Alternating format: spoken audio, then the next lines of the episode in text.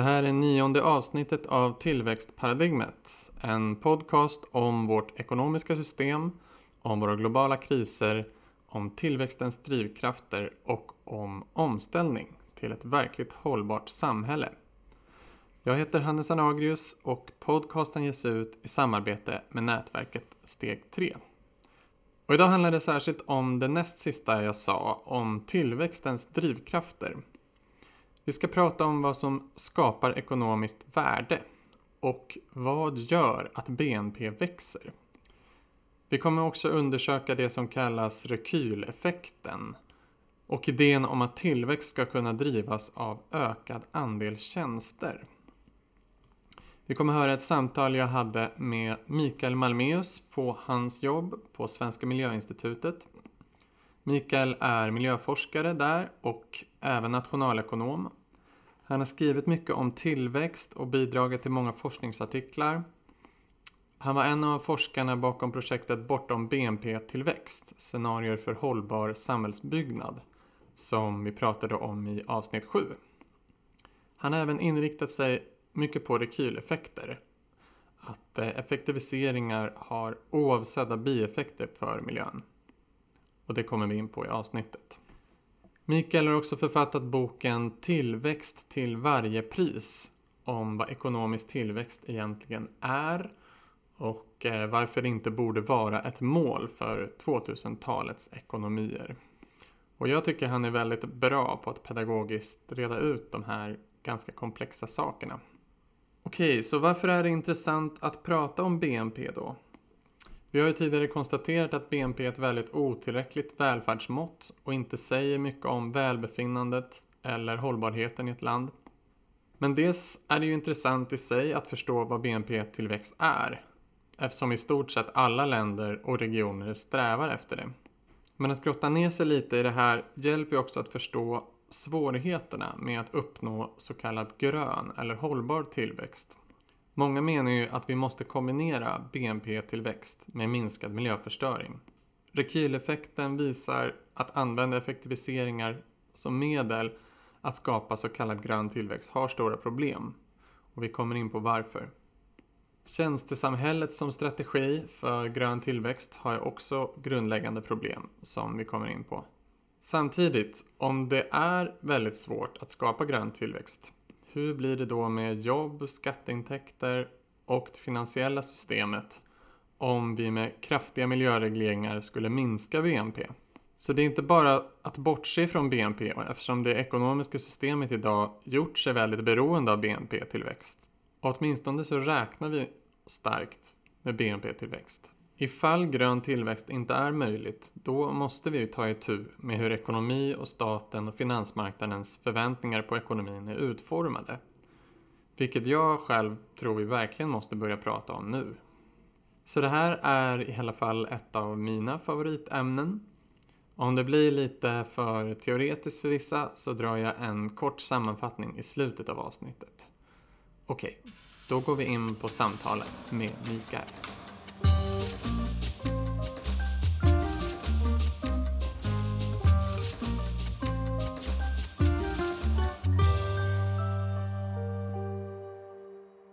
Okej, välkommen Mikael. Tack så mycket. Det är kul att du ville vara med. Mm, kul. Ja, men det här blir förmodligen ett, ett eh, ganska teoretiskt, kanske lite nördigt avsnitt. Och det är väl eh, lite symptomatiskt på vissa mejlkonversationer i steg tre, där vi började prata om de här sakerna. Ehm, men jag tycker det är väldigt eh, viktigt det här med liksom, vad är det som driver tillväxt vad som skapar tillväxt. Och för det gör det också lättare att förstå vilka politiska beslut som faktiskt kan leda till en hållbar omställning. Mm, absolut. Ser det. Men eh, vill du berätta lite kort om vad, vad du gör just nu? Mm, just nu håller jag på, jag håller alltid på med en massa olika saker men det Mm. som framförallt relaterar till det här då är att jag tittar på eh, det som kallas för rekyleffekter som vi kommer att prata Mm. mer om sen. Men, men i det projektet som specifikt tittar på eh, inte bara att beskriva rekyleffekter eh, utan också hur man kan designa styrmedel, alltså Mm. ja, styrmedel i form av regleringar och skatter och, stimuleringar och sådär. hur man kan göra så att man undviker rekyleffekter eller Mm. minimerar dem. Just det. Eh, så det är ett, ett eh, forskningsprojekt jag håller på med just nu. Mm. Sen har jag ganska nyligen varit med om att avsluta det som kallades Bortom BNP-tillväxt. Mm. Mm. Scenario för, för hållbart samhällsbyggande. Vi var ju eh, kom och gick några personer men i huvudsak var vi en kärna på omkring eh, 16-17 forskare som eh, Mm. tog fram fyra scenarier för hur ett samhälle skulle kunna se ut som inte drivs av ekonomisk tillväxt. Mm. Och, och det finns ju massa olika syften med det. Det kan ju vara så att vi måste vi hamnar i ett sånt system eh, vare sig vi vill eller inte. Men Mm. även ur ett hållbarhetsperspektiv så måste vi kunna diskutera hur det alternativet ser ut. Ja. Eh, vi är ju ganska många som tänker att tillväxt, Mm. eh, ständigt ökande produktion och konsumtion inte är hållbart. Mm. Sen finns det andra som inte håller med om det. Men, Mm. men oavsett så är det ju intressant att ändå fundera på hur alternativet ser ut. Det är liksom en- någonting som vi som forskare Mm. eh, gärna undersöker. Så det, det gjorde vi under fem år och det projektet avslutades eh, så att, tio Ja. månader sedan. Ja. ja, men det är verkligen ett spännande projekt tycker jag. Ehm, Att, eh, också för att liksom förbereda sig för olika möjliga framtider. Liksom. Ja, Ehm, Att man gärna tänker i ett spår, att det ska fortsätta i samma bana. Liksom. Så det Ja. öppnar ju upp liksom, eh, eh, öppnar ju upp ens kreativitet. Liksom, ja, och ganska mycket anledningen till att, att vi går på business as usual, att saker och ting går i en viss riktning, det är ju för att vi inte kan föreställa oss något annat. Nej. Jag tror att det är ganska många eh, viktiga samhällsförändringar, jag tänker på rösträtt och välfärdsstaten och, och olika jämlikhetsgrejer, det handlar ju någonstans om att kunna föreställa sig någonting, någonting Ja. bättre. Eller någonting annorlunda rättare sagt. Ja, I de fallen var det väl Ja. Ja, var det Einstein sa att eh, fantasi är viktigare än kunskap eller något för att det omfattar allt. Ja, kanske det. Ja. Men eh, om vi går in lite på rekyleffekterna som jag pratat om tidigare lite grann. Eh, alltså att vinsterna från effektiviseringen eh, den används då inte till exempel till att vi skulle jobba mindre eh, och inte heller till att vi skulle liksom använda totalt sett mindre material och energi utan att det blir en rekyleffekt som gör att man använder vinsterna till mer investeringar i mer produktion. Liksom. Mm. Ehm, och vad skulle du säga, eller hur, hur stor roll skulle du säga att rekyleffekten har i dagens ekonomi och, liksom, och vad beror den på? Mm. Eh, jag skulle säga att den har en enormt stor roll. Eh, Mm. Men det är lite definitionsfrågor här också. För att Ja, ehm, jag skulle säga att, att rekyleffekter, det pratar man ju om om man, om man tror att alla insatser görs med syftet att förbättra miljön. mm, Men faktum är ju att väldigt mycket av effektiviseringar och väldigt mycket dynamik i ekonomin görs ju för att skapa tillväxt. ja, Så rekyleffekter är ju i själva verket någonting önskvärt. Mm. Däremot skulle man ju inte kalla det för rekyleffekter om man har gjort det av någon annan anledning. Eh, och sen finns det ju då Rekyleffekter kan ju uppstå på lite olika sätt. Och, och Det finns massa olika definitioner och liksom så här. Eh, och jag skulle vilja föreslå att titta på, och det, det bygger på Många, det finns må- många olika definitioner, många olika förslag, men det, det jag förespråkar är då att man tittar på direkta, indirekta och interaktiva rekyleffekter. mm, Eh, och om vi pratar tar dem lite kort då, så direkt, en direkt rekyleffekt är till Mm. exempel om vi energieffektiviserar, eller om vi, om vi gör en bil mer bränslesnål till exempel.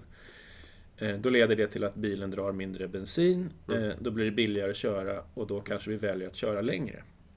Eh, Det är en direkt rekyleffekt. Att den åtgärden handlar om, om bensineffektivitet. Det leder till att vi använder mer av precis samma vara. ja, En indirekt rekyleffekt, det skulle till exempel vara om vi, då, om vi gör en, en besparing på bränslekonsumtionen Mm. och vi får pengar över men lägger dem på någonting annat. Att vi kanske konsumerar några andra varor och tjänster som också har någon slags miljöpåverkan. Eh, det är en indirekt rekyleffekt. Mm. Och sen interaktiva rekyleffekter, då är det mer, liksom, det, finns, det är mycket mer eh, heterogen typ av effekter. Det är egentligen alla typer av effekter som, där det blir fler inblandade. Den första, alltså de direkta och den indirekta, det är fortfarande jag som enskild aktör som antingen väljer att köpa, köra mina bil mm, eller, eller väljer att eh, köpa någonting annat som påverkar miljön. Det här, det här behöver inte vara en person, det kan Mm. vara ett företag som effektiviserar också. mm, Men, men interaktiva, då, då pratar vi om liksom hur man påverkar hela dynamiken. Och egentligen är ju effektiviseringar är ju någonting som driver tillväxt. mm, Till exempel. Eller det, liksom, det bidrar till tillväxt, det kommer vi Mm. prata mer om sen, Ja, som ja, driver ja. tillväxt. Men. Eh, att man liksom skapar en dynamik som ökar hela ekonomins storlek. Eller att Ja. man påverkar utbud och efterfrågan. Alltså om jag väljer att köra mindre bil till exempel, då blir det ju Mm. mer plats på vägarna. Det blir mindre trångt. Det Ja, kan göra just att någon det. annan plötsligt säger, men här, vad trevligt, nu Ja, kan jag köra mer bil. Alltså det finns massvis. Och, och Det är väl det har- klassiska exemplet man försöker bygga, man bygger nya motorvägar eh, för att man vill minska trängseln. Liksom. Mm, mm. Och då ser alla att åh, nu finns det en ny väg som jag kan köra på. Liksom. Ja, jo. Det, och då vet jag inte om vi pratar om rekyleffekter längre. Det kanske vi gör. Men kanske. Ja, kanske. Som sagt, det är också en de- med definitionsträsk det här. Mm. Men, men när man har de här olika definitionerna Ja. då kan man också gå ut och, och undersöka hur det ser ut i, i praktiken. Då kan man, Mm. Det finns massvis olika sorters sätt att undersöka det här. Jag ska inte gå in på alla dem. Men, men det är bland annat liksom såna här ekonomiska jämviktsmodeller, det är enkätstudier. Man, man kan också gå in och titta på enskilda konsum, konsumenter i liksom ekonomisk statistik. Mm. Och om man bara tar de indirekta och de direkta rekyleffekterna, som man tittar på hur personer agerar. Mm. Eh, Då är rekyleffekt, det berör jättemycket, det finns massvis med studier, men till exempel för energieffektiviseringar och för bränslesnålare bilar, så då kan de ofta ligga på så här mellan 10 och 50 procent. Mm. Så det är fortfarande så att en effektivisering ändå är bra, men hälften av effektiviseringen försvinner en rekyleffekt. Så den primära effekten är 100% men sen får man en rekyl på 50% om man säger så. Men tar man, tittar man på hela, även de interaktiva rekyleffekterna, då är ofta rekyleffekten större än 100%. Det vill Just säga, det. de här effektiviseringarna vi har gjort, de har inte lett till minskad miljöbelastning utan till ökad. Ökad. Just det. Och det måste ju vara svårare att beräkna de interaktiva rekyleffekterna. Ja, Det direkta borde väl vara det lättaste? ja, Ja. ja, det tror jag att det är. Eh, ja, ja, absolut. Om man vill titta Mm. på bara vanlig statistik så är det ju så. Ja. Men vi kan ju konstatera att vi har en, en effektivisering och att eh, de här effektiviseringarna på något vis leder till en ekonomisk dynamik som Mm. gör att vi faktiskt konsumerar och producerar mer hela tiden. Mm. Och vi har en ekonomisk tillväxt. Vilket Mm. ju är helt i linje med vår politik. Mm. Eller våra, liksom, Strävan i vår strävan i samhället. Ja. Eh, och sen, då är det liksom lite grann en definitionsfråga. Ska vi kalla det för rekyleffekter? Eller ska vi se det som eh, någonting annat? Men, Ja. men, men om man vill om man vill kan man se det som rekyleffekter och i så fall är de väldigt stora. Ja, just det. Ja, men vi har tidigare varit inne lite på hur ekonomisk teori ser på värde. Eh, och eh, hur skulle du beskriva att eh, ekonomiskt värde skapas i ekonomin? Ja, och det här är också en definitionsfråga då. Men, Mm. men ekonomiskt värde, eh, det är ju ganska snävt. Det är ju helt enkelt eh, det som kommer in som, som vi kan mäta i pengar. Alltså det som bidrar Ja. till BNP bland annat. Ja. Så att vi kan ju, man får ju inte se det som att vi skapar nytt, eller ja, det är inte det vi mäter. Ekonomiskt värde Nej. är ju pris på en marknad. Det är inte en liksom filosofiskt värde, det som Nej. vi värdesätter i livet. Liksom, Nej. Utan, Nej. Och sen finns det i och för sig, nu, nu kanske jag går lite utanför vad jag tänkte svara på, men, men det finns ju en massa försök att värdera saker. Man, man går ut Mm. och frågar om betalningsvilja. Hur mycket Just värderar människor naturen och sådär. mm, Om man då säger att naturen är värd en massa miljoner kronor, då, då kanske det på ett, i någon filosofisk mening är ett värde. mm, Men, men det jag tänker, som jag Mm. tänkte svara på, det är liksom vad är det som skapar de värden vi faktiskt eh, Mm. har i ekonomin, som vi köper och säljer, som, som bidrar till BNP. Och den frågan är ju viktig därför att det är ju det som utgör BNP. Ska vi prata om liksom eh, vad BNP är och hur BNP-ökningar hänger ihop med andra saker, då Mm. behöver vi ha en ganska tydlig bild av vad, vad, vad dessa värden är. Ja. Inte för att säga att det är de enda som är viktiga, utan för att säga att det är så här ekonomin fungerar. Liksom. precis. Och jag skulle säga att på en konkurrensutsatt marknad så drivs alla värden, eller alla priser då mot produktionskostnaden.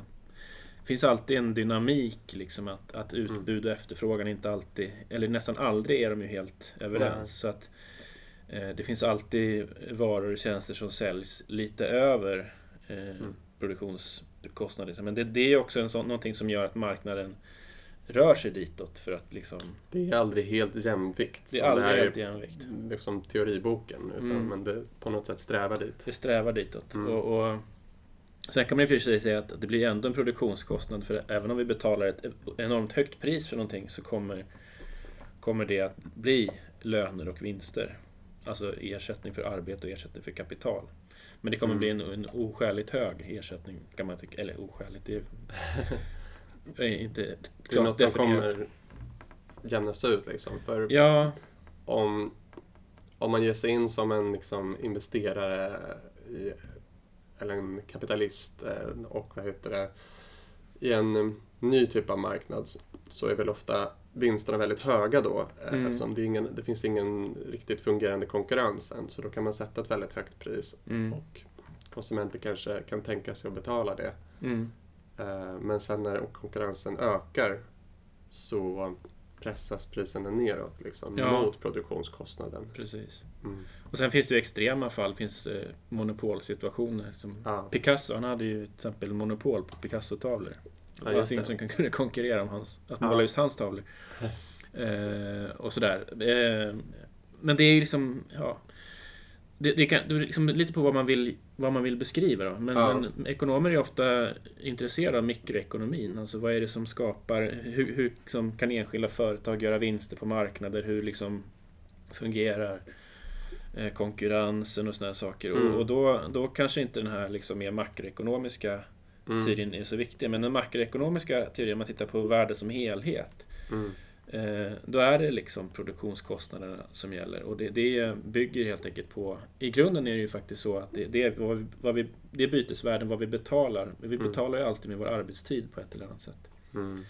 Eh, och sen kan arbetstid ackumuleras i kapital. Alltså vi kan, vi kan skapa Mm. eh, lagrat arbete i form av till exempel Mm. byggnader och, och maskiner och annan utrustning som vi också kan använda för Det går åt väldigt mycket arbete till att bygga upp de här maskinerna och eh, Ja, bygga upp det här realkapitalet. Ja. liksom. Mm. och därför får ju också eh, alltså, den som äger kapitalet får ju alltid en del av en del av priset, eller en del av kostnaden går ju, är ju Mm. alltid en, en kapitalkostnad.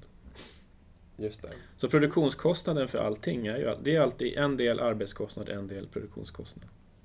Sen måste man, en en sak som är... Vad menar du med produktionskostnad? Förlåt, kapitalkostnad. Kapital. En del, en del Ja. arbetskostnad, jag sa fel där. Ja, precis. Mm. Men, då är, men du menar att grunden då till kapitalkostnaden också är arbete från början? Ja, Så det- det stämmer lite in på det här liksom klassiska ekonomin. det stämmer liksom, jättebra in på den klassiska Smith, ekonomin. Ricardo och även Ja. Marx. Att det är arbetet som, som är grunden för det ekonomiska värdet. Ja, och det är intressant också att titta på just kapital så som det bokförs i nationalräkenskaperna. Mm. Så, så det är någonting som kallas för perpetual inventory method. Det vill säga man tittar inte på det tillfälliga priset på kapitalet när man, när man bokför kapitalstockarna. Mm. För det kan ju gå upp och ner, det vet vi, liksom Mm. aktiekurser och sånt där. Utan man tittar just på vad det har kostat att investera. Vad kostar det att bygga kapitalet? Okej. Och så räknar man med en viss eh, förslitning då. Det är lite Mm. olika för olika Ja, sorters kapital. Ja. Men det här finns ju redan gjort i, eh, i nationalräkenskaper i alla länder. Eh, Okej. Eller i alla OECD-länder i alla fall. Ja. Eh, Och det stämmer otroligt bra faktiskt. Man tittar, jämför kapitalstockens storlek och utveckling med BNPs storlek och utveckling. Mm. Eh, Men du skulle inte säga att eh, Marx och de här andra klassiska ekonomerna hade glömt naturen lite? Alltså vad liksom... Det, det arbete som ligger bakom det, men om man tittar på hela 1900-talet och fram tills nu, den enorma ekonomiska utvecklingen. Absolut, vi har byggt upp all den här, alla de här maskinerna, den här tekniken och de här innovationerna. Men det har ju också drivits av de eh, extrema mängder energi som vi har haft tillgång till som fossila Ja. bränslen. Liksom. Då skulle jag säga att vi mer pratar om drivkrafter. Inte Just om det. värdet här. Mm, För att jag, det är ju inget snack, men man kan ju säga att eh, vad var det som hände, alltså vad var det som hände vid den industriella revolutionen? Det finns ju många som har försökt förklara vad är det som gör att vi då började bygga upp så Mm. mycket större produktionskapacitet jämfört Mm. med vad vi hade innan, eller de hade innan. Och det finns ju allt möjligt med kol och olja, kolonier, slaveri, eh, innovationer, eh, institutioner. Det, finns ju otroligt många förklaringar. mm, och jag tror att alla de där är viktiga i olika Mm. proportioner. Det är ingen snack om att liksom, utan all den här energin så hade vi säkert inte börjat bygga allt det här kapitalet. Men jag skulle ändå Nej. vilja säga att det som...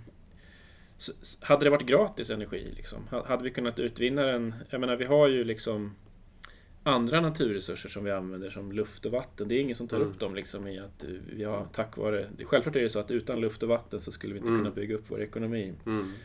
Mm. Eh, nu är energi någonstans någonting som har varit begränsande tills vi hittade den fossila energin Mm. och då har det gjort, inneburit en boost. Liksom.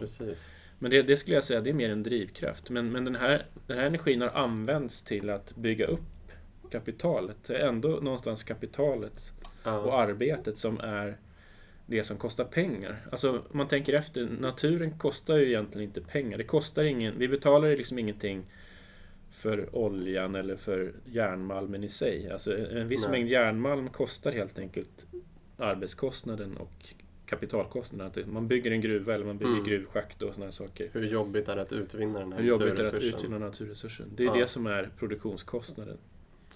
Just det. Men skulle man då kunna säga att ehm, det som bestämmer ehm, varje varas eh, liksom ekonomiska värde, det är arbetsmängden som ligger bakom och kapitalet som också är ar- arbet, uppbyggt av arbete. Men det som liksom avgör hur många, hur många varor vi kan producera, det är lite mer hur mycket energi vi har och stoppar in i den här ekonomiska Ja, maskinen. liksom. alltså börjar man titta mer på Och material förstås. Liksom. Ja, men man inser också hur otroligt eh, svårt vi gör det för oss när vi tror att vi ska kunna svara på eh, liksom att det är en sak. Alltså vi ser ekonomin som en... Vi ser så här, ekonomin har Mm. växt. Mm. Ek, som om det var en ekonomi liksom. För jag menar, det är inte, vi kan ju inte beskriva ekonomin med antalet varor. Nej. För att det är ju liksom, ja, fem myror och fler än fyra elefanter. Det, är liksom, Mm. det spelar en viss roll om det är myror eller elefanter. Och det är samma sak Precis. vi kan inte heller mäta det i kilo för det beror på vad det är för typ av... Mm. Och tjänster väger ingenting och Mm. transporter. Alltså det, är, alltså Ja. det blir väldigt... Eh, det är väldigt svårt att tänka sig... Alltså att, att mäta det i pengar är ändå görligt någonstans. För det är... Eh, allting som finns på marknaden har någon Mm. slags pris. Men samtidigt som alla vet att... Ja, pengar är, verkligen inte mäter allt då. Men, men Mm. eh, det ekonomiska värdet i alla fall, tycker jag, då vet vi vad det är vi ska svara på. Mm. Men när vi ska svara på mängden Mm. varor och tjänster, det, vi måste beskriva dem var och en för sig på något sätt. Absolut. Men jag tänker om vi då liksom isolerar ett exempel att nu producerar vi eh, muffins, säger vi. Och, eh, och då har vi en viss mängd energi och en viss mängd arbete och då kan vi producera så här mycket muffins. Liksom. Men sen så st- stoppar vi in mer energi och då helt plötsligt kan vi producera ännu mer muffins. Liksom. Ja, men jag skulle inte säga att det är linjärt. Alltså vi måste Nej. kunna, man kan göra det mer eller mindre Mm. smart. Mm. Alltså med en viss mängd eh, bensin så Mm. kan vi få olika mängder transportarbete utfört. Absolut. det är inte så att man kan sätta ett linjärt samband mellan Nej mängden transporter och mängden energi. Och inte Och det- heller mängden muff. Jag tror liksom... Det är ja, klart, det är där tekniken kommer in liksom, och hur man gör det. Ja, så att jag börjar man prata mer om, om mängder och liksom sådana Mm. saker, då, då tror jag man både kan prata om teknik och effektivitet och, Mm. och, och eh, såklart material. Mm. Eh, Men rent empiriskt så kan vi definitivt säga att, att eh, tillväxten har ju kommit med ökad energi och materialberoende. Ja. Så att liksom försöka hävda att det, att det är snar, alltså som jag såg någon eh, det, Ibland ser man ju liksom att nej, det är tekniken som är grejen. ja. Och säger att vi behöver egentligen inte en massa, massa energi för att det viktiga är att vi har Nej. teknik. Liksom. Det, Precis. eh, det, så har det inte varit historiskt. Liksom. Nej. Ofta har ju båda kommit samtidigt. Liksom. Det var ju en, en intressant eh, debatt i Expressen där det var en kulturartikel av, nu ska vi se om jag uttalar hennes namn rätt, men Isobel Hadley Kamptz. Mm. Ehm, och hon lite grann likställde tillväxten med innovationer och teknikutveckling, att det var Mm. lite samma sak. Ehm, men då fick hon då ett svar av Therese Uddenfelt som skrev att ingen teknik och inga upp, uppfinningar fungerar ju utan energi. Liksom. Mm. Och hon pratade mycket om att det är energi som driver tillväxten. Men eh, ja, vi har kommit in lite på det där hur de liksom förhåller Mm. sig till varandra, teknik och energi. Ja, jag skulle säga att det är en typisk begreppsförvirring då igen. Ja. Alltså pratar vi om tillväxt i bemärkelsen ökat ekonomiskt värde. Mm. eh, Då skulle jag säga att ingen av dem har helt rätt teoretiskt. Liksom. Men empiriskt när vi tittar bakåt i tiden så har ju BNP, alltså vår ökade produktionsförmåga eller om, vår ekonomiska utveckling har ju influerats jättemycket av innovationer och Mm. av ökad energi. Och det är lite så här hönor och ägg diskussion. Kom, Mm. kom innovationerna före energin eller kom energin före innovationerna? Mm. Det spelar ingen roll, vi behöver båda. Vi kan säga Mm. att tillväxten har korrelerat med båda. Liksom. Och förmodligen Mm. kommer det vara så i framtiden också, men det vet vi inte. Men, men pratar vi bara om, om vad som driver de ekonomiska värdena så, så, så är det ju ingen av dem sådär eh, som har rätt, eh, tycker jag. Men pratar vi om vad som har liksom, drivit det, då har de ju rätt båda två på ett Mm. sätt. Liksom. Men jag tänker om man, om man liksom vill, om man vill frikoppla tillväxten i framtiden, det vill säga att Mm. liksom i framtiden så vill vi ha tillväxt Mm. eh, som inte påverkar miljön. Då måste vi fundera på vad är det vi pratar om? Pratar Mm. vi om värdeökning? Mm. Det är väldigt svårt att ackumulera kapital, att ackumulera arbete utan Mm. att göra det på ett fysiskt sätt. Man, man Mm. har ju kanske humankapital då, att Mm. man skulle kunna, kunna arbeta sig till kunskaper som kan Mm. bevaras på något sätt. Liksom. Eh, Mm. Men det visar sig, det finns också undersökningar, att det där är inte så beständigt som man vill. Men däremot fysiskt kapital, det kan man på något vis bygga upp på ett annat sätt. Liksom. Mm. Därmed kan man ju säga att kapitalackumulation, ökad, ökad kapital i ekonomin Mm. Är väldigt svårt att frikoppla från åtminstone materialanvändning. Jag tror det är väldigt svårt att frikoppla Mm. från energianvändning.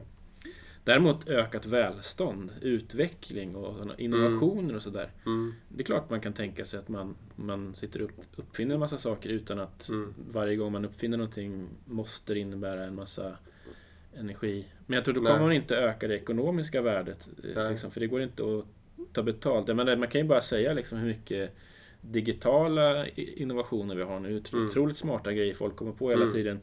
Som i stort sett är gratis att använda. Ja.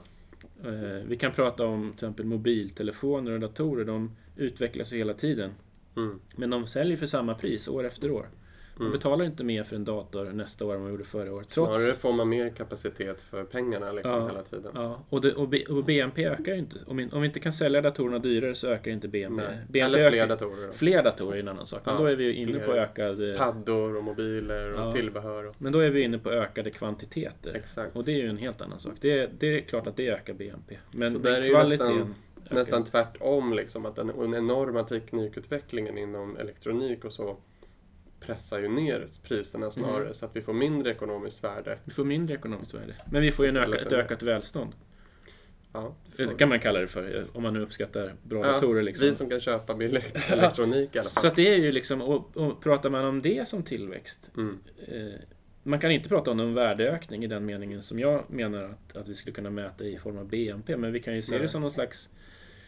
Eh, ja, man kan Ja. ju välja att definiera det på något annat sätt. Då. Mm. Och, och då tror jag liksom att möjligheterna till utveckling och möjligheter till liksom sådana saker finns ju. Sen, ja, Alltså det, det gör väl att vi får ökad BNP om det nu är så att vi köper fler datorer när de blir billigare. ja, Då, då blir det totala ekonomiska värdet större liksom. Men miljökostnaderna blir ju också större då liksom. ja, jo precis. Om vi nu pratar om att det här skulle kunna ske utan Ja, eh, precis. miljöpåverkan. Då, då, då måste vi skilja fler datorer från bättre datorer. Precis. Sen att bättre datorer leder till fler datorer. Mm. Då är vi inne på det hönan och ägget. Liksom. Men vi kan ju Ja. bara se att historiskt sett så har vi, har vi fått fler datorer och Mm. bättre datorer. Vi har haft teknikutveckling och Ja. energi, ökad energiåtgång, ökad materialåtgång. Ja. Vi har fått bättre och bättre bilar och så säljer vi eller köper fler bilar. Det, det sker ju både och på något sätt.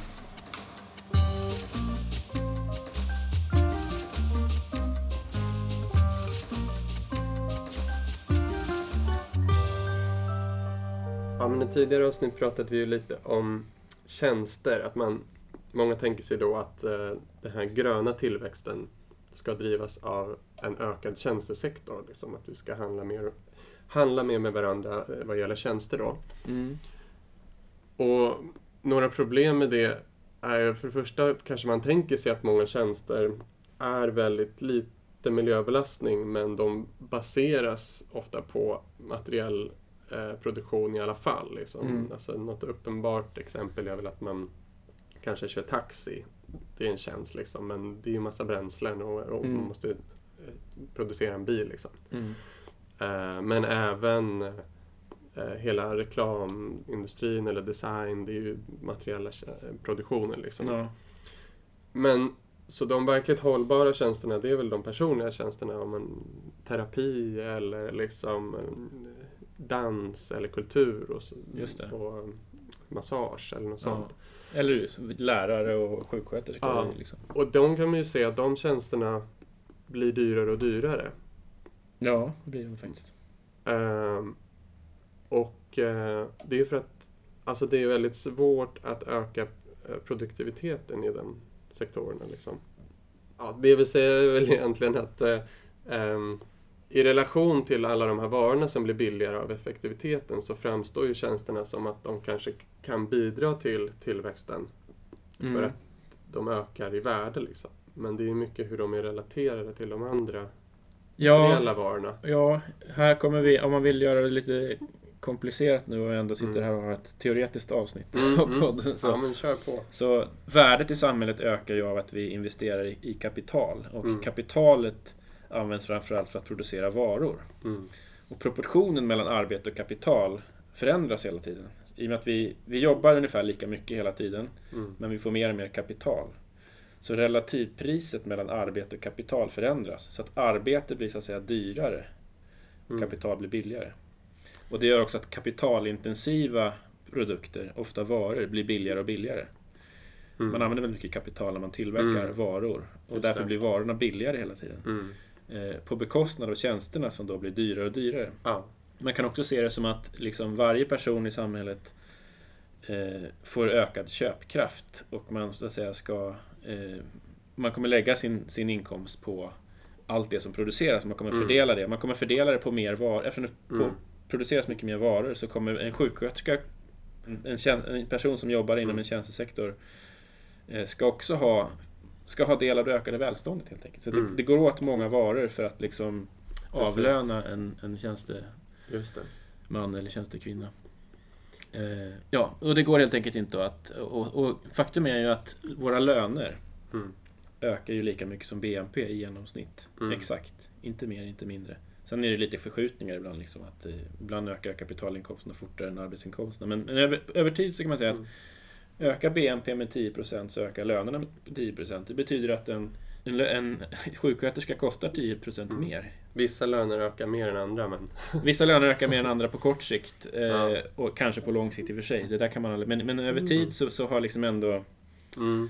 Ja, det brukar omförhandlas ändå. Det brukar liksom göras framstötar från den ena och den andra parten. Och, och Mm. nu är det väl, just nu är det väl kanske Mm. att det går i en riktning då. Att inkomstklyftor och sådär ökar. Mm. Men, och om man tittar globalt så blir det ju ofta, har det väl blivit en ganska mycket förskjutning. Men många pekar ju på att liksom i Sverige eller i EU så har vi ökat tjänstesektorn. Liksom. Men det är ju mycket att eh, produktionen har flyttats till andra länder. Liksom. Så i Asien producerar man mycket materiella varor och eh, i Europa kanske vi står för eh, mer av de här tjänsterna som i relation till de materiella varorna framstår som väldigt ekonomiskt värdefulla. mm. Jo, känns precis. Det, det är ju... Ja, det för det första så kan man säga att, att man, det ser ut som att tjänsterna har ökat mer än vad Mm. de har också. Därför Mm. att många företag har liksom... Numera hyr man in eh, jurister, man hyr in eh, Mm. eh, alla möjliga konsulttjänster som förut Mm. jobbade på ett företag. Förut jobbade du på en pappersmassaindustri. Mm. Då jobbade du med varor även om du var jurist. Mm. Men nu sitter juristen på ett eget kontor. Liksom, eh, eh, och då blir det en tjänst. Mm. Så att det är en, del, en hel av det här är liksom en omdefiniering. Men sen har det som du säger, det finns förskjutningar globalt. Men man kan Mm. prata om en, en, eh, en tjänsteparadox här faktiskt. Mm. Att vi, vi jobbar mer och mer med tjänster. Fler och mer Mm. människor identifierar sig som att de jobbar med tjänstesektorer. Mm. Men när vi tittar vad vi köper Mm. Så, så är det inte så att vi köper mer tjänster. Eh, Mm. och, och det beror ju kanske på att, att det, det, det, det är få av oss som faktiskt går och handlar de här tjänsterna. Mm. Därför att de är inhyrda av företag. Mm. Det är Så mer konsum- tjänster som är riktade till företagen än Ja. till konsumenterna. Exakt. Så i Mm. slutändan så är det egentligen tjänster som, tjänster som är till för varuproduktion. Liksom. Just det. Så konsulter som jobbar åt, åt industrier, eh, det syftar ju trots allt till Ja. varuproduktion. Liksom. Ja, och det som man ser växer mycket med liksom alla appar och eh, eh, sociala medier och sånt. Det baseras ju, deras intäkter är ju också reklam liksom Mm. från mycket eh, företag som säljer materiella varor liksom. Mm. Ja. Nej, man kan ju säga att, att de här rent personliga tjänsterna, de de som skulle vara bra för miljön, Mm. eh, vi har ju typ åtta timmar om dagen att utföra dem. Liksom. Mm. Eh, och visst, man kan ju tänka sig att vissa människor idag kanske inte jobbar åtta timmar om dagen.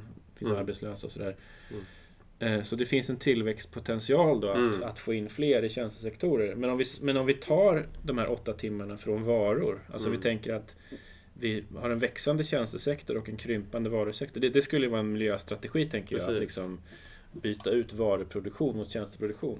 Genom kanske någon grön skatteväxling där det blir billigare Ja. att köpa arbete och Ja. dyrare att använda material och energi. Ja, men, men vi kan ju inte, alltså då har vi inte, då har vi inte makroekonomisk tillväxt, vi inte BNP-tillväxt för att vi Nej. byter ut varor mot tjänster. Nej. Och när skiftet väl har skett, då är Då- frågan, var kommer tillväxten från då? Då måste ju ändå tjänstesektorerna börja öka sin, sin produktion och sin... Mm. Och, och man kan inte bara hö, liksom höja priset på sina varor, det blir bara inflation. Utan man måste på något vis... Och kvalitet i Det sig... där är intressant för många tänker sig kanske att om vi ökar kvaliteten, om liksom de här tjänsterna blir så mycket bättre så att folk eh, eh, gärna Ja men jag kan tänka mig att betala mer för det här Mm. för att det här är verkligen en tjänst. då? Ja men precis. Um, alltså jag vill verkligen uppleva den här teaterföreställningen eller någonting så jag Mm. betalar mycket för det. Och då kanske man tänker sig att tillväxten ska drivas av det, att det blir så mycket bättre kvalitet så att folk köper mera Mm. av det. Det, är så, det finns ju två svar på det där. Eh, Mm. Två delar av ett svar. Det ena är att eh, kvalitet höjer inte priset. Eh, det är som med mobiltelefoner och datorer. Liksom. Så att eh, även om de spelar bättre på teater så... så Inte om det finns konkurrens i alla fall. nej, nej, precis. Det, det kanske inte håller hela vägen det argumentet alltid i alla lägen heller. Och, men, men det andra svaret är ju liksom att ska... Om vi önskar oss bättre teaterföreställningar och vi tänker att vi är villiga att betala mer. Mm. Eh, var får vi ihop pengarna att betala mer? Liksom? Det skapas ju inte mer pengar för att vi vill betala mer. Vi måste jobba ihop pengarna för det.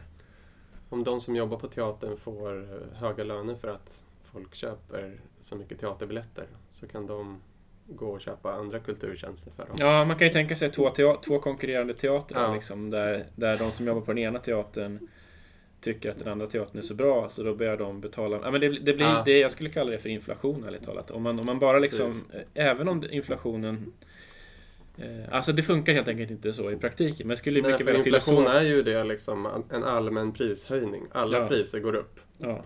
Skulle kvaliteten gå upp så kan man ju tycka att det skulle kanske på något sätt räknas bort från inflationen. Mm. Det, det finns för övrigt sådana liksom ansatser i, i, bland stati- statistiker Just på, det. på liksom att man försöker kvalitetsjustera. Så att i teorin Ja. så skulle man i efterhand kunna säga så här, men vi, vi, vi Mm. i fasta priser, vilket ju alltid är en efterhandskonstruktion, Mm. eh, då kan man ju titta på den ekonomiska utvecklingen bakåt och så kan man Mm. liksom justera sådana här saker.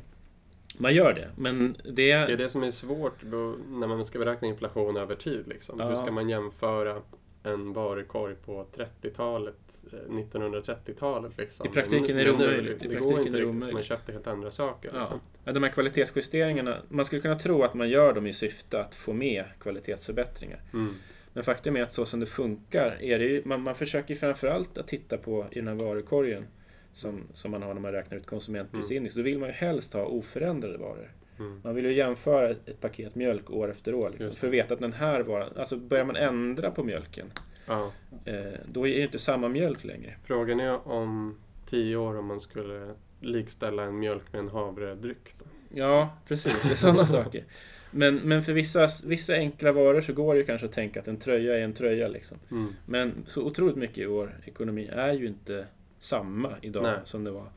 Eh, och därför gör man de här justeringarna. Men det är ju mest för att kunna få ett fast penningvärde. Det är inte så mycket för att liksom Mm. visa att konsumenterna har fått det bättre. Det är liksom ett annat syfte. Nej. Och det är fortfarande en liten del av varukorgen där man gör det här. Så att, Mm. eh, jag skulle säga att i praktiken så, så är inte det här med kvalitetsförbättringar någonting man direkt får med i Nej. fastprisberäkningen. Utan det är snarare någonting man försöker kompensera för att... Mm. För att inte missa något. Mm.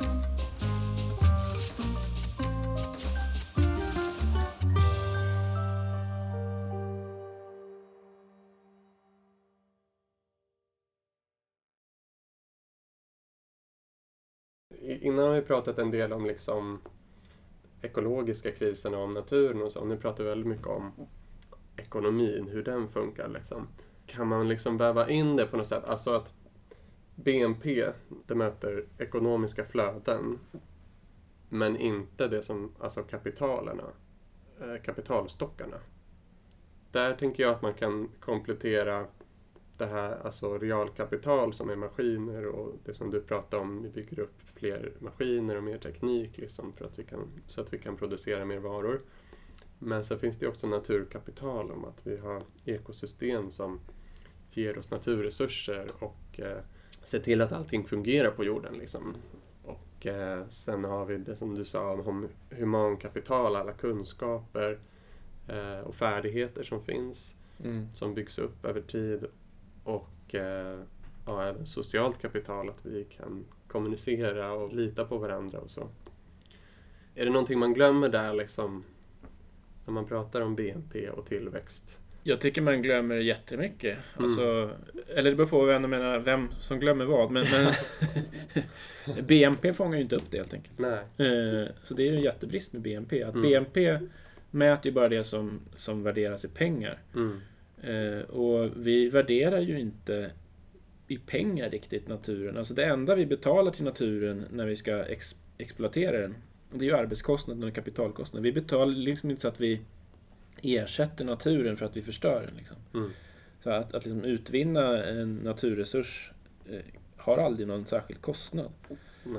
Eh, och om det har en kostnad, ibland kanske du får betala någon, liksom, någon licens eller, någon som, eller en markägare kanske som Mm. vill ta betalt. Man kan ju konstruera en sån kostnad att det, man får betala en, en skatt till exempel Ja. för att utvinna en naturresurs. precis. Problemet är ju, liksom, och det här visade ju redan eh, Adam Smith och Ricardo, liksom, Mm. att det där blir ju egentligen bara att vi ändå byter pengar med varandra. Alltså det kommer ju aldrig bli så att vi tar några pengar och gräver ner dem i, i naturen så att de Nej, liksom verkligen kostar någonting. Utan det är Mm. snarare att vi, vi betalar en skatt till en annan aktör på marknaden. Mm. Så det blir bara en omfördelning av pengar. Liksom. Det skapar inga värden egentligen.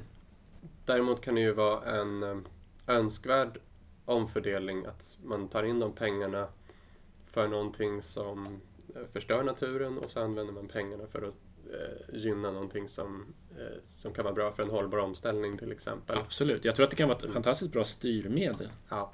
Men det är en annan sak. Det, det skapar inte tillväxt. Eller det skapar Men det blir liksom ingen kostnad för totalekonomin. Liksom. Nej, man gräver skulle- inte ner i en skattkista Nej, på en öde ö. Liksom. nej, man gör inte det.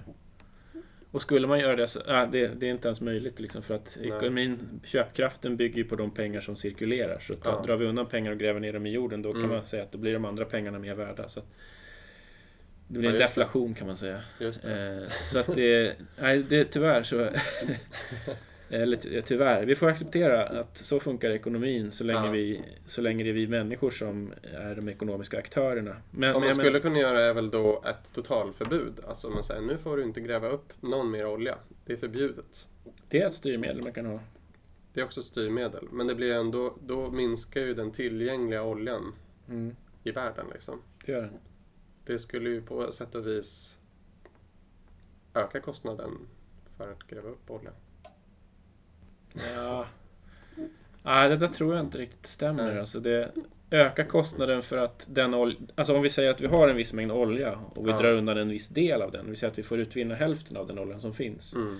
Den oljan blir inte dyrare att utvinna. Den, alltså det är samma produktionskostnad för den oljan så att säga. Mm. Däremot minskar ju utbudet. Ja, ja, det kan ju vara att man tar bort den mest lättillgängliga oljan kanske. Så kan det vara. Då kan det rent Ja. teoretiskt vara. Ja, nej, men, ja. Men jag tror man hur som helst, man kan aldrig skapa tillväxt genom att skapa brist. Mm. Det här är också någonting som, som vi, liksom det här med produktionskostnader. Alltså utbud och efterfrågan kan ju alltid, kan ju alltid göra att priset på en enskild vara ökar. För att Mm. det råder brist. Alltså Mm. eh, efterfrågan är större än utbudet. Men vi kan aldrig skapa tillväxt i ekonomin. Alltså, då skulle man ju kunna tänka sig att vi skapar brist på allt. Ja. Och, och då men det säger sig självt att det inte ger någon tillväxt, att det blir brist på allt. Liksom. Men det är väl lite det som som händer i ekonomin nu, alltså vi har ju dels patentlagstiftning liksom, som gör att så här, men det är bara det här företaget som under den här tiden får sälja det här läkemedlet eller den här typen av varan. Mm. Och då på det, det är ju någon slags, man hindrar konkurrensen Mm. där. Eh, vilket gör att den här medicinen kanske skulle kunna produceras billigare om det var konkurrens. Men man vill belöna företaget för att det har hittat på den här medicinen genom en patent. Mm. Och även eh, inom det digitala så in, har vi inte fungerande konkurrens för att det några stora bolag har tagit över marknaden liksom, och då kan de sätta ganska höga pris. Liksom. Mm. Men du skulle säga att det inte är liksom ekonomiskt värde vi har skapat. Vi har bara, de har kunnat höja priserna för att det finns någon slags bristsituation, kan man säga det? Mm. Ja, I det fallet en artificiell brist. En artificiell brist. Och därmed så kanske vi betalar, vi betalar till exempel för software, liksom. Vi betalar Mm. för program som Alltså marginalkostnaden för det kostar ju såklart att utveckla ett program. Men när Mm. man väl har gjort det så kan man ju kopiera det miljoner gånger liksom. Mm. Sen kostar det ju att uppdatera och så vidare men att eh, vi kan ju kopiera de här varorna miljoner gånger. Mm. Så de borde kanske vara billigare i en perfekt konkurrens än vad de är. Jo, vi kan, vad vi gör när vi gör alla de här exemplen, det är ju Mm. att vi, att vi skapar situationer där eh, perfekt konkurrens inte råder. Det vill säga Nej. den här liksom ideala marknaden inte råder. Mm. Eh, men det, det, det är ändå liksom eh, på BNP-nivå, på makronivå, så är det här liksom avvikelser. Det är, inte- det är inte regeln, det, det är undantaget. Mm. Och det är också så, och det här blir lite komplext kanske att reda ut, men, men det är faktiskt så om man, om man tittar på ekonomiska flöden och så vidare. Mm. Så att, att man höjer priset på någonting över, det sker liksom på bekostnad av någonting annat. För vem ska betala de här priserna? Mm. Eh, Det måste skapas ett värde för att, för att eh, betala det med. Det, liksom, det blir liksom inte Det blir inte mer gjort i samhället för att man höjer priserna. Liksom. Det, Nej, vi du- köper- du skapar inte, det, det uppstår liksom ingen köpkraft. Det är egentligen är det samma sak som det här med teaterexemplen. Liksom att bara för att någon eh, producerar bättre teater Mm. uppstår inte någon köpkraft. Liksom. Så vi, vi, vi betalar de här pengarna för eh, software och de här programmen som vi vill ha. Men då måste vi också dra ner på någonting annat. Ja, det är ju egentligen samma sak som att vi, vi man kan ju se det som att vi skapar värden genom arbete. Men Mm. vissa människor har ju högre arbetskostnader än andra. Mm. En lärare och en läkare Mm. eh, har ungefär lika lång utbildning så det är inte mer humankapital som kan förklara det. är bara en, Mm. en, de har lyckats förhandla sig till högre löner helt enkelt. Mm. Eh, men, men det är egentligen bara en förhandlingssituation att av det Mm. arbetsvärde vi skapar så ska läkarna ha lite mer och lärarna lite mindre. Och på samma sätt kan det vara liksom i någon konkurrenssituation. Liksom att, ja, vissa, det, det är liksom en ojämlik fördelning av, Precis. eh, ja, av värdena Det där är också intressant för många tänker sig kanske att, att en lön speglar eh, värdet, vad du, vad du bidrar till ekonomin. Liksom. Men, Jag skulle säga att man, det, det är också en avvik. Man kan se det som en, att det, det visar samhällets värdering. mm. På något vis tänker man sig att det här kanske också ska leda till att fler utbildar sig till lä- läkare eftersom Mm. det uppenbarligen värderas högre. Det, är liksom ett, man kan se det som en, som en konkurrens mellan lä, Mm. läkare och lärare. Liksom att, Mm. Precis, men ja, i grunden är att de är så pass få så de kan förhandla sig till. Ja, och du har ju en flaskhals. Det, är en ganska lång, det är kanske en svårare utbildning. Jag vet inte, jag har inte provat mig på utbildning till vare sig ena eller andra. Men, men det anses De begränsar väl, det var lite artificiell brist där också kanske. De Så kan begränsar vara. ju läkarplatserna för att de vill hålla uppe lönerna. Ja, jo men så absolut. Det, Mm. Så kan det vara. Ja, nu har vi pratat om många olika saker. Vill du lägga till eller summera något om tillväxtens drivkrafter? Ja, men jag tycker man kan summera det med att, eh, att de här diskussionerna om, om vad som är tillväxt, vad som Mm. driver tillväxt, om vi kan frikoppla tillväxt från Ja. eh, olika saker. Allt det här är ju liksom ganska det blir ganska mycket missförstånd i diskussionen. Jag tyckte det var rätt bra det här exemplet du tog med debattartiklarna i Expressen, eller kulturartiklarna, för att de, Mm. eh, de, ingen av dem är ju tydliga med vilken definition de har av tillväxt. Eh, och eh, så vidare. Och, och det här tycker jag är otroligt vanligt i diskussioner, att man, Mm. man försöker diskutera liksom samhällets utveckling och säger utan tillväxt så Mm. skulle samhällets utveckling avstanna. Eh, och det är ju helt enkelt inte sant, rent teoretiskt. Sen kan det ju hända liksom att, att det sammanfaller en massa saker. Mm. Men jag tror att just att bena ut vad vi menar med olika saker är liksom en viktig uppgift för oss som eh, vill försöka förstå det här på djupet och kanske också för, Mm. föreslå sätt att, att hitta en bättre samhällsutveckling. Mm. Så att även om det blir nördiga och eh, krångliga diskussioner så tror jag de är faktiskt värda att föra. Jag skulle Mm. önska att fler gjorde det. Mm. Jag håller med dig. De flesta är ju för ehm, en utveckling i samhället. Liksom. Ja, Så det blir ju lite en halmgubbe där att man säger, ja men är du emot utveckling? Liksom? Nej, men frågan är om det är just tillväxten som vi behöver. Liksom. ja. ja men jätteintressant. Ja. Eh, det var kul att grotta lite i det här. verkligen. Tack för att du kom. Tack själv.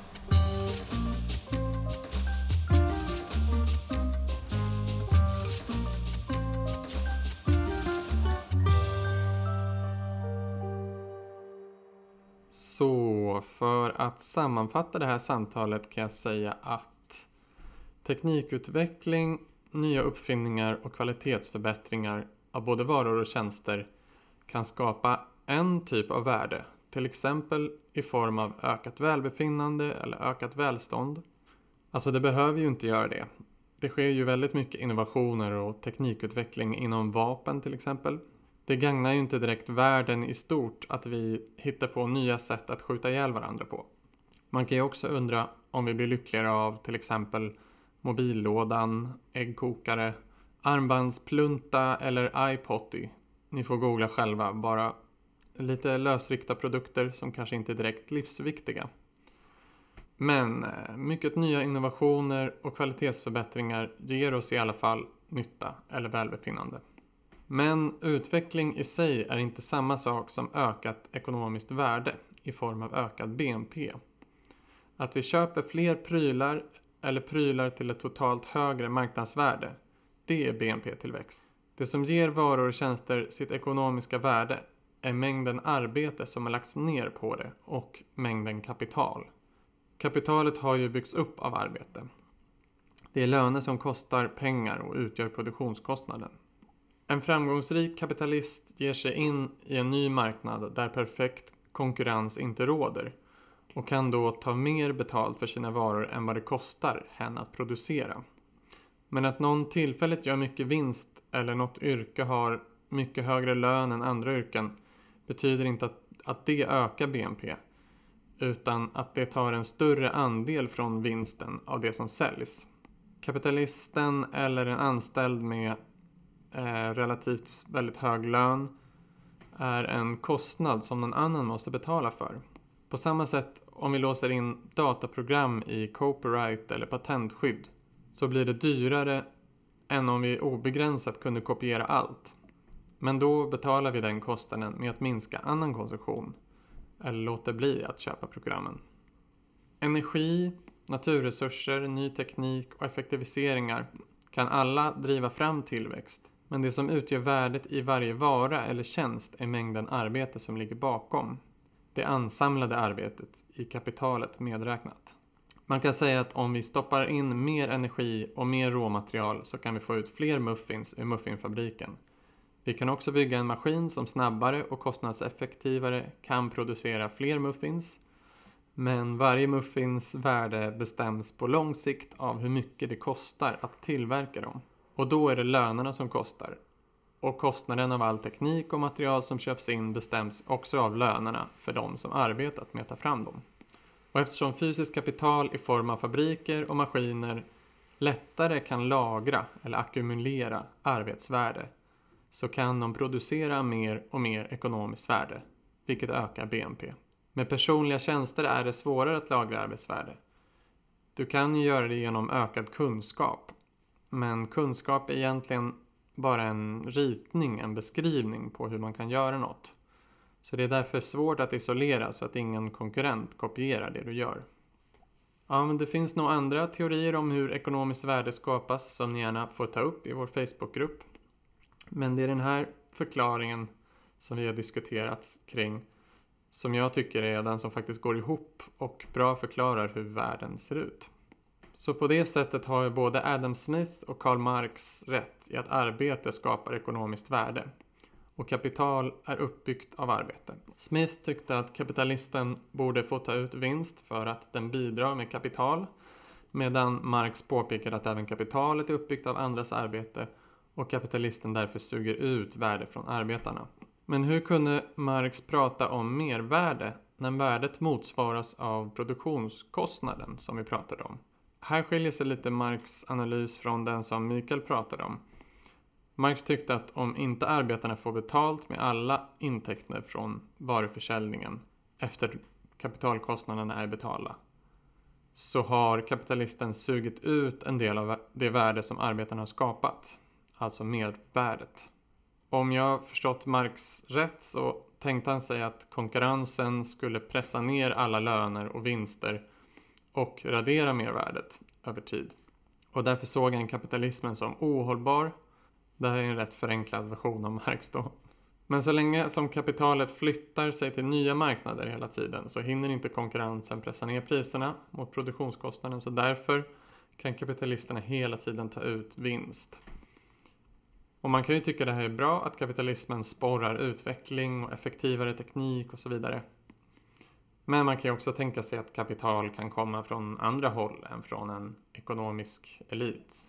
Och att investeringar kan ske av andra skäl än av vinstsyfte. Och att vi kan belöna innovation på andra sätt. Men det får bli till ett annat avsnitt. Hoppas det här klargjorde lite om BNP och ekonomiskt värde.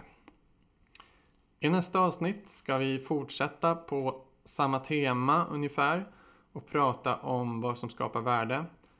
Då får vi höra ett samtal jag hade med den ekologiska ekonomen Lina Isaks och Alf Hornborg, professor i humanekologi.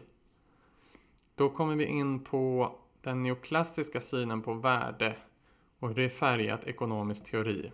Och vi pratar om förskjutningar i miljöbelastning globalt och om det som Alf kallar teknikfetischism, tron på att tekniken skapar värde av sig själv. Så, vi ses igen då. Har ni frågor, synpunkter eller tycker avsnittet var bra får ni gärna skriva på Facebook-sidan Tillväxtparadigmet Podcast. Ha det gott, hej hej!